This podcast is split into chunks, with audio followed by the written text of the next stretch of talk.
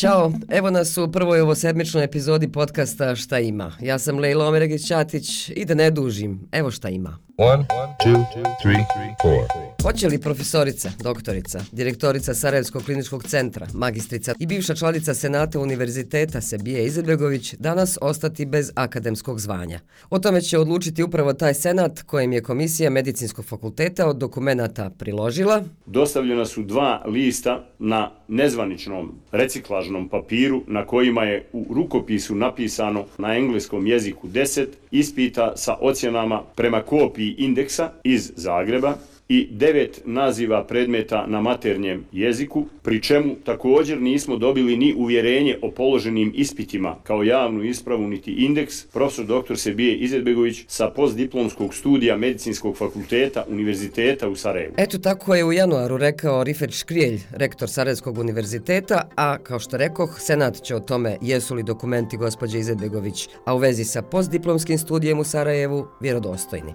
Odgovor ćemo čuti tokom dana, a ja sam Aida Đugum i svima srdačan pozdrav sa sedmog sprata velike staklene zgrade. U novoj sedmici stare teme, o kojima razgovaramo sa Aleksandrom Trifunovićem, novinarom i urednikom Buke.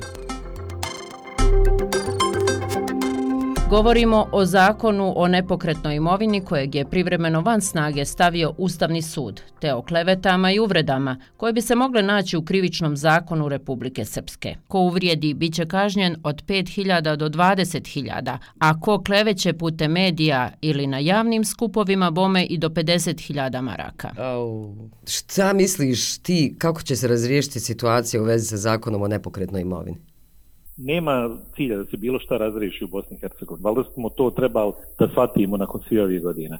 Potrebno je svako da zauzme svoju čvrstu poziciju, sve strane u sukobu i svako da se drži svoje pozicije. I pošto se ništa ne dešava, svaka sebe smatra pobjednikom. Tako da je u ovom slučaju. Visoki predsjednik smatra da je uradio sve što je mogao. Dodik smatra da je uradio sve što je mogao.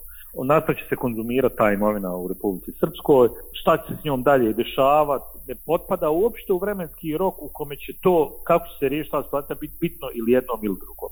Znači, ništa se ne razrešava u Bosni i Hercegovini. To je ključ uspjeha u ovoj zemlji. Mm -hmm. Pa ja, prvi sto godina je najteže, a onda poslije... Pa evo, mi smo 30 godina svjedoci toga da ništa se, može se živjeti u zemlji u kojoj se ništa ne dešava. Može se živjeti u zemlji u kojoj su vijesti iz e, decembra e, u godini kada je potpisan detunski sporazum isti kao u decembru 2022. Možeš i prekopirati. Znači, ništa se ne dešava uh, i ljudi su euforični izgleda najviše zbog toga što se ništa ne dešava, jer uvijek može gore. Mm. Ono što je još ostalo za raspetljavanje, je li ovaj nacrt zakona o kleveti u Republici Srpskoj, šta se može dešavati ako prođe? Šta očekuješ da bi se moglo? Tu nema nikakvog if.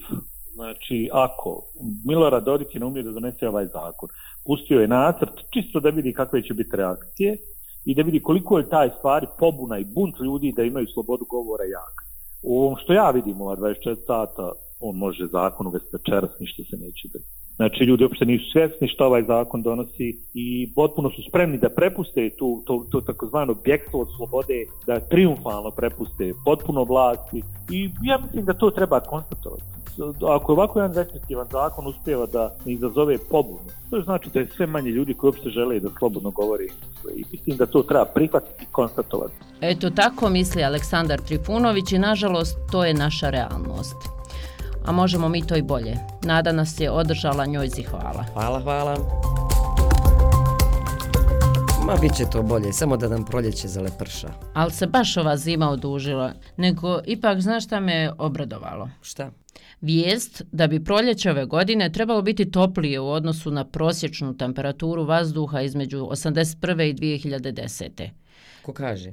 Kažu meteorolozi da će sva tri mjeseca proljeća biti toplija, a prema tome u maju bismo se mogle i kupati. Znači nije proljeće nego ljeto.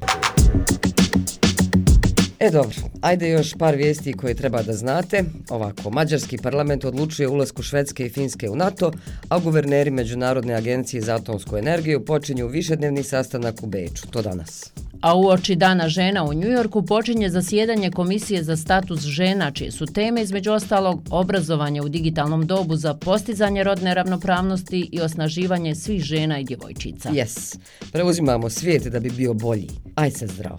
Ćao.